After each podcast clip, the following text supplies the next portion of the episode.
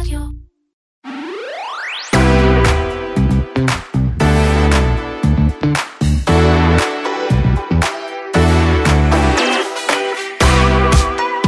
גלי הפיטורים והקיצוצים בהייטק ובחברות הסטארט-אפ עדיין לא עברו לגמרי, ומדי יום, מדי שבוע מצטרפים מאות, אם לא אלפי, הייטקיסטים חדשים למעגל מחפשי עבודה. איך להתמודד עם הפיטורים, איך להתכונן לרעיונות עבודה, ומה לעשות כשכבר מוצאים עבודה ומגיעים אליה ליום הראשון. נדבר על זה עם רן ברזיק, הייטקיסט, שגם לאחרונה פוטר וכבר הספיק למצוא עבודה חדשה. אתם מאזינים לקוקיס, פודקאסט ההייטק והטכנולוגיה של כלכליסט. אני עומר כביר, מתחילים.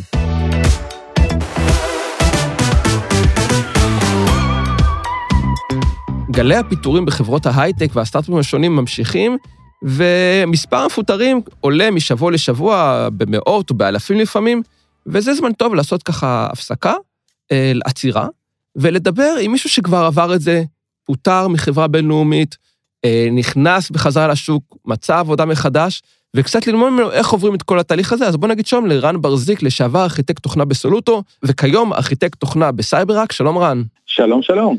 אז אני רוצה לדבר איתך קצת מהחוויות האישיות שלך, מהניסיון שלך, וקצת ככה שתוכל, אה, כמו שאתה עושה טוב בהרבה הזדמנויות, לשתף אה, טיפים כלליים או עצות כלליות איך להתמודד. אז בוא נתחיל אה, מההתחלה התחלה. מפטרים אותך, בין אם זה כי זה גל פיטורים רחב בחברה, או כי הסניף המקומי או אפילו החברה נסגרה, מה אתה עושה דבר ראשון? אז הדבר הראשון שעושים, רוב האנשים לפחות נכנסים להלם. וזה בדיוק מה שקרה לי, אוקיי?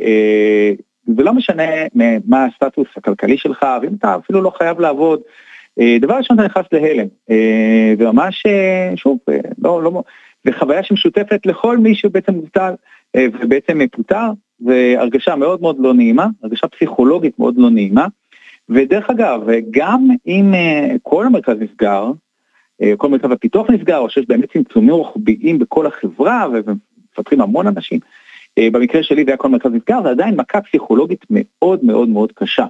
כי הרבה מאוד מהזהות של רוב המאזינים היא נסמכת על העניין המקצועי שלהם, אה, על הסטטוס המקצועי שלהם, על התפקיד שלהם, ופתאום זה נלקח. גם נלקח לך לא רק שמבחינה פסיכולוגית אתה מתקשה להתמודד עם זה שחלק מהזהות שלך נעלם, גם חלק מסדר היום שהיית רגיל אליו, לקום בבוקר, להתחבר למחשב אם אתה עובד מהבית, או ללכת לעבודה אם אתה עובד אונסייט, אה, לדבר בסטייק, פרויקטים, תוכניות, וכל זה נעלם סדר היום מתערער, וגם דברים ותקוות לעתיד שיש לך, גם קידומים, או גם תוכניות שיש לך בנוגע למקום העבודה, פרויקטים, דברים שאתה השקעת פתאום מתבטלים, וזה פגיעה בכל, ממש רב-ממדית, פגיעה באמת קשה.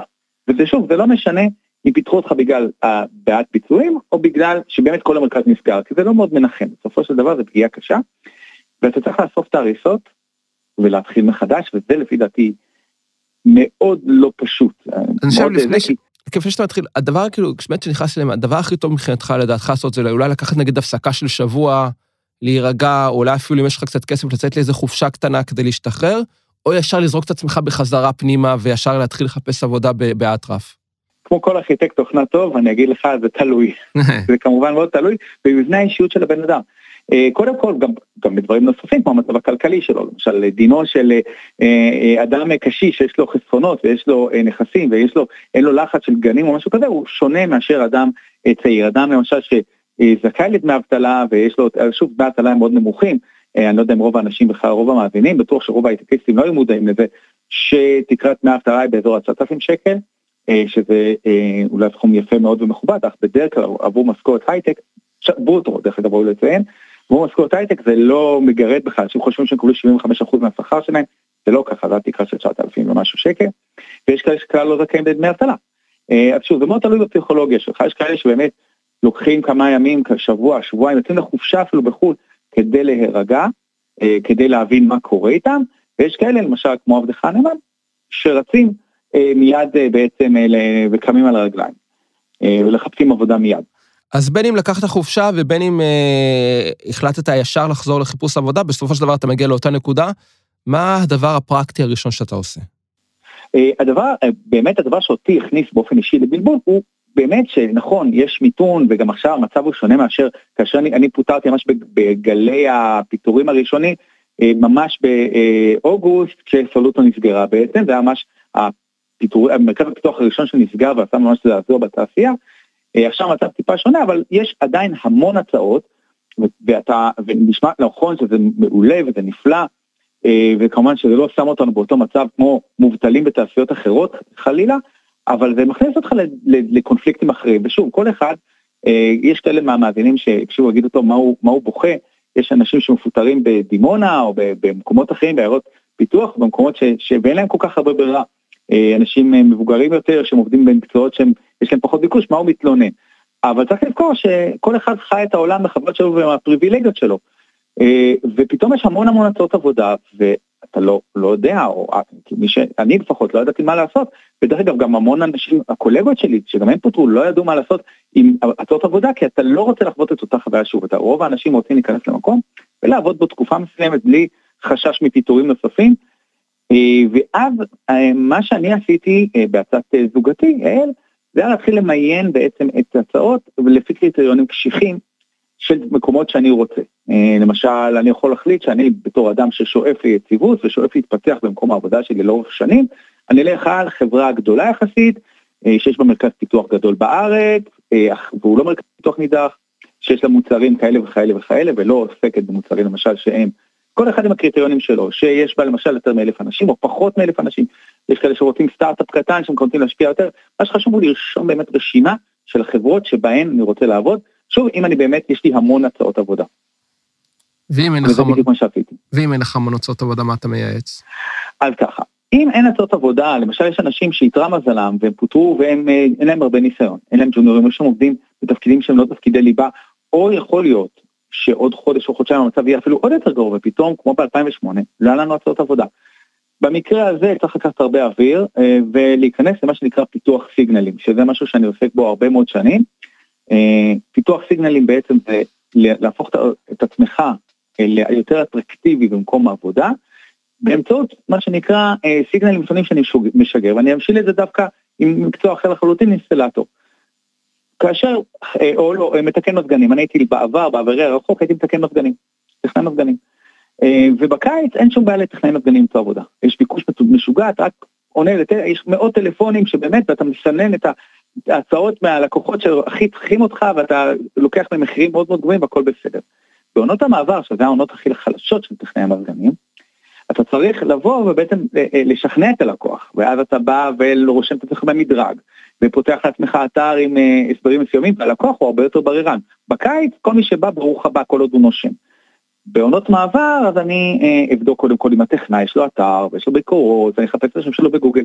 עכשיו, מה זה אומר עלינו? אנחנו צריכים לפתח בעצם סיגנלים כאשר אנחנו מחפשים מקום עבודה שהמעסיק ירצה אותנו. שוב, בהנחה שאנחנו כבר לא בתקופת שפע, תקופת מיתון, יש הרבה מתחרים על אותו משרה, זה מצב שהמון אנשים לא מכירים, גם אנשים מבוגרים יחסית, לא היה לנו מיתון בתעשיית ההייטק בשנת 2008-2009, זה המון שנים, אז זה אומר אה, מאמרים מקצועיים, פרופיל ב Stack Overflow, הרצאות, אה, אופ, אה, כל מיני דברים, מאמרים מקצועיים שכתבתי במדיום, במקומות אחרים, תגובות בקבוצות מקצועיות, משהו שבעצם מאפשר לי לבלוט קצת יותר וגם אה, לציין את זה אולי בקורות החיים. תרומה לקוד פתוח למשל זה קלאסי, אה, תרומה לקוד פתוח מאוד מאוד עוזרת, אה, אם אני תורם או יש לי פרויקט קוד פתוח שהוא מאוד פופולרי, זה משהו שמאוד מעלה את ערכי בעיני המעסיקים, כך שאנחנו צריכים לבלוט קצת יותר. שוב, אנחנו בתור טכנאים מזגנים של עונת המעבר, שהוא צריך לדאוג שיש לו אתר אינטרנט, הוא כבר לא מספיק לנו רק לנשום וזה, וזה הייתי כן אין הצעות עבודה, זה מה שאני הייתי עושה, מפתח סיגנלים ומחכה וממתין. אה, עברתי שני מיתונים בחיי, ב-2000 ו-2008, כאשר לא היו הצעות עבודה. אני פשוט צריך לחכות. אה, ובינתיים לבנות את הפרסונה ולבנות את המקצועיות שלך. אז אחרי שביררת את החברות, או שקיבלת כמה הצעות, או שלחת קורות חיים, אה, מגיע רעיון עבודה. איך אתה מתכונן לזה? אה, מצד אחד, אתה כביכול כבר מיומן, יש לך כישורים, אנחנו מדברים על אנשים שפוטרו, רובם מן הסתם כבר, כבר עברו את התהליך הזה פעם אחת. מצד שני, אולי עכשיו זה קצת שונה ממה שהיה כשהם התראינו לפני שנה, שנתיים, שלוש, ארבע, חמש שנים. קודם כל כשאתה מפוטר וצריך למצוא עבודה ממקום של חוסר בעיה זה שונה מאשר אם אתה מחפש עבודה ממקום של עבודה, של אני עובד. אה, למה זה שונה גם קודם כל מהצד הפסיכולוגי שזה צד שלא לא, לא מדגישים אותו מספיק כי לי באופן אישי בגלל שאני גם בן אדם קצת יותר חרדתי וקצת יותר חושש וקצת פחות בטוח בעצמו אה, אה, ותמיד היה לי בעיה מאוד גדולה ברעיונות עבודה ובעיה מאוד גדולה בלמצוא עבודה חדשה או מתוך, מתוך עבודה קיימת ובאמת הצד הפסיכולוגי מאוד קשה, כי פתאום אני צריך לבוא ולהוכיח את עצמי ברעיונות עבודה וברעיונות טכניים, ודרך אגב אין שום פטור מרעיונות טכניים מאף אחד, כולם צריכים לעשות אותם, אה, וגם בתפקידים, אה, שוב, בכירים יחסית, וזה קשה. אז אני גם התכוננתי לרעיונות עבודה כמובן באמצעים הרגילים, גם בליט קוד וגם בהאקראנק, שזה אתרים שמאפשרים בעצם להשתפשף ברעיונות בתרגילי תכנות, כי יש הבדל בין לעבוד כמתכנת לבין להצליח ברעיונות עבודה, זה דברים שהם שונים. יש מקומות שבאמת מצליחים לתת רעיונות שמאוד משקפים את העבודה שם, אבל רוב המקומות, וזו בעיה משותפת להרבה מקומות אחרים, לא, אה, ראיונות העבודה שלהם הם שונים מ, אה, בעצם מהעבודה עצמה, וצריך פשוט להתכונן אליהם. אז באמת דרגים יותר, אה, מה שנקרא תכנות אה, עד רמת senior, זה באמת LeetCode ו HackerRank, תרגולים שונים, אה, לעבור על design, זה מאוד חשוב למי שבאמת מתראיין לתפקידי system architect או ארכיטקט, לעבוד ממש על, על, על Cracking the Code Interview או, או תרגילי design שונים, לעבור ב Udemy, יש כמה קורסים שמכינים ממש לראיונות, וזה התהליך הטכני שאותו הייתי עושה, אבל במקביל יש גם תהליך פסיכולוגי, של להבין שאני, שראיונות עבודה זה דבר קשה, במיוחד בתקופה הנוכחית, ואם לא מצליחים זה בסדר, זה לא אומר שום דבר עליי כ person מקצועי, זה פשוט אומר שלא התאמתי לא, לאותה חברה וזה גם בסדר, כי יש אה, אנשים שפשוט מתפרקים מרעיונות עבודה לא מוצלחים, וחשוב רק לזכור שזה באמת דבר פסיכולוגית מאוד מאוד קשה. ורעיונות עבודה גם בהייטק הן בדרך כלל אה, הליכים מאוד ארוכים, מאוד מורכבים, אה, מרובי שלבים, קצת אה, טיפים כאילו איך להתמקון, איך להיערך נפשית לתהליכים האלה, איך אה, לעבור אותם פרקטית? לקחת הרבה אוויר, זה דבר ראשון. שוב, אני התכוננתי המון לפני, לזכור שזה ממש מבחן לכל דבר וכדאי להתכונן אליו כדי לשקף את היכולות, לא להתבייש לשאול מה יש במבחן הטכני, שוב, מבחן הטכני באמת בתהליכי קבלה לעבודה, זה לב התהליך, כולנו יודעים את זה, אה, לפחות מתכנתים שהם יותר מנוסים, לא להתבייש לשאול מה יש שם כדי שאני אוכל להתכונן ולשקף היטב את יכולותיי, זה לא שאלה ש, ש, שלא מקובל לשאול. בנוסף, מבחינה פרקטית, צריך לזכור שבאמת מדובר בתהליכים אה, ארוכים, אה, וגם הדברים שונים ממה שהיה בתקופה שלפני, ה, אפשר לומר, מיתון. אה, זאת אומרת שפעם שחברות היו ממש ממש ממהרות לתת הצעה, עכשיו זה ייקח הרבה הרבה יותר אה, זמן. אה, אה, המבחנים נהיים יותר ארוכים ויותר, יש הרבה יותר עבודות בית, השוק השתנה, גם ההצעות אה, השתנו, צריך, צריך לזכור את זה, ולא להיכנס יותר מדי ללחץ, אנחנו עדיין לא ברמה של שנת 2008, זאת אומרת לא לקפוץ על כל הצעה ראשונה שמקבלים, צריכים לחשוב קצת, אנחנו עדיין לא שם, מצד שני לזכור שהשוק השתנה. מה זאת אומרת? אה, השוק כבר הוא לא במצב של ביקוש יתר, כמו שהיה נניח לפני חצי שנה, אפשר לומר, עשרה חודשים, כבר אנחנו לא במצב שחברות ממהרות מאוד לתת הצעות, אה, ובסכומים גבוהים לפני שיחטפו את המועמד שלהם, זה כבר לא ככה. נכון, יש מועמדים שמן הסתם תמיד יחטפו ותמיד יהיו מאוד מאוד מבוקשים, אצל רוב המועמדים לצערי זה לא ככה. זאת אומרת שצריך לקחת יותר, לקחת אוויר, קצת יותר להתעזר בסבלנות, קצת יותר להיות סובלנים, גם להתכונן לכך שוב מבחינה פסיכולוגית. לא להיכנס למראה שחורה ה, ולחשוב, אוי, הם לא רוצים אותי, אם החברה לוקח עוד יומיים לתת איזושהי הצעה. אה, זה, זה בסדר, זאת אומרת להיות מוכנים לזה, אה, גם כשלמשל נותנים איזשהו מבחן בית שהוא טיפה יותר ארוך או טיפה יותר קשה, לא, לא ישר אה, אה, לפסול אותם, אלא לתת קצת יותר הזדמנות, שוב, השוק השתנה. והשלב, אני חושב, האחרון, הוא בעצם היום הראשון בעבודה. אתה מגיע למקום עבודה חדש, כמה טיפים לאיך להתחיל בטוב? ושוב, כשמתחילים מקום עבודה חדש, גם אחרי שפוטרת, זה בעצם כמו להתחיל מערכת יחסים חדשה אחרי שנפרדנו מהאקסיט. אפשר כמה שפחות אה, בעצם אה, להתבסס, להתבוסס במה שהיה, אלא ממש לנסות להתחיל דף חלק ונקי עד כמה שאפשר. אה, העצה הכי טובה שלי דרך אגב היא בהתחלה לא להסכים לפגישות חדשות או למלא את, ה, את הקלנדר בפגישות, אלא לקחת את הזמן ולהבין מה קורה לפני שנכנסים לפגישות או מתחייבים למשל לגילדה מסוימת או לקבוצת מתכנתים מסוימת או לפרויקט מסוים. ולהקדיש באמת את התקופה הראשונית ללימודים כמה שיותר, עד כמה שאפשר בעצם ולהכשרה, לפני שבעצם נשאבים לעבודה כללית. זה הטיפ הכי טוב שלי, הוא לא רלוונטי למיתון, או יש מיתון או אין מיתון, רלוונטי תמיד להתחלת עבודה חדשה.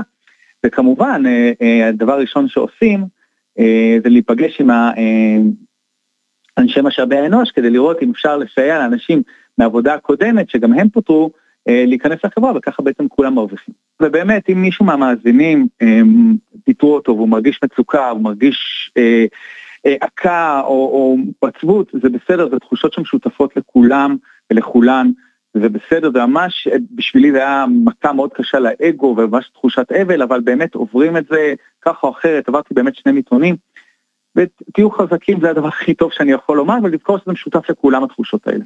אני רוצה להתעקש שאמרת מכה לאגו מעניין, כי במקרה שלך זה לא שפוטרת אה, ספציפית או כחלק מקיצוצים, כי פשוט סגרו את כל הסניף, אז זה ברור שזה לא אתה. אני אתן דוגמה ממלכוד 22. כן. אה, אני חושב שיוסריאן, מלכוד 22, זה ספר אה, על מלחמת העולם השנייה, ספר שנחשב מאוד בסיסי, כאילו, שהמון אנשים מכירים אותו. כן. בכל מקרה, אחד הגיבורים שם, יוסריאן, הוא טייס במלחמת העולם השנייה, אה, בא ואומר, אני שונא את הגרמנים, מנסים לרצוח אותי. ואז אני חושב מייג'ור מייג'ור, המפקד שלו, אומר לו, תשמע, זה לא שמנסים לרצוח אותך, הם מנסים להרוג את כולם. ואז יוסריאן מסתכל עליו ואומר לו, מה אכפת לי? אני פוטרתי. תודה רן. תודה, תודה.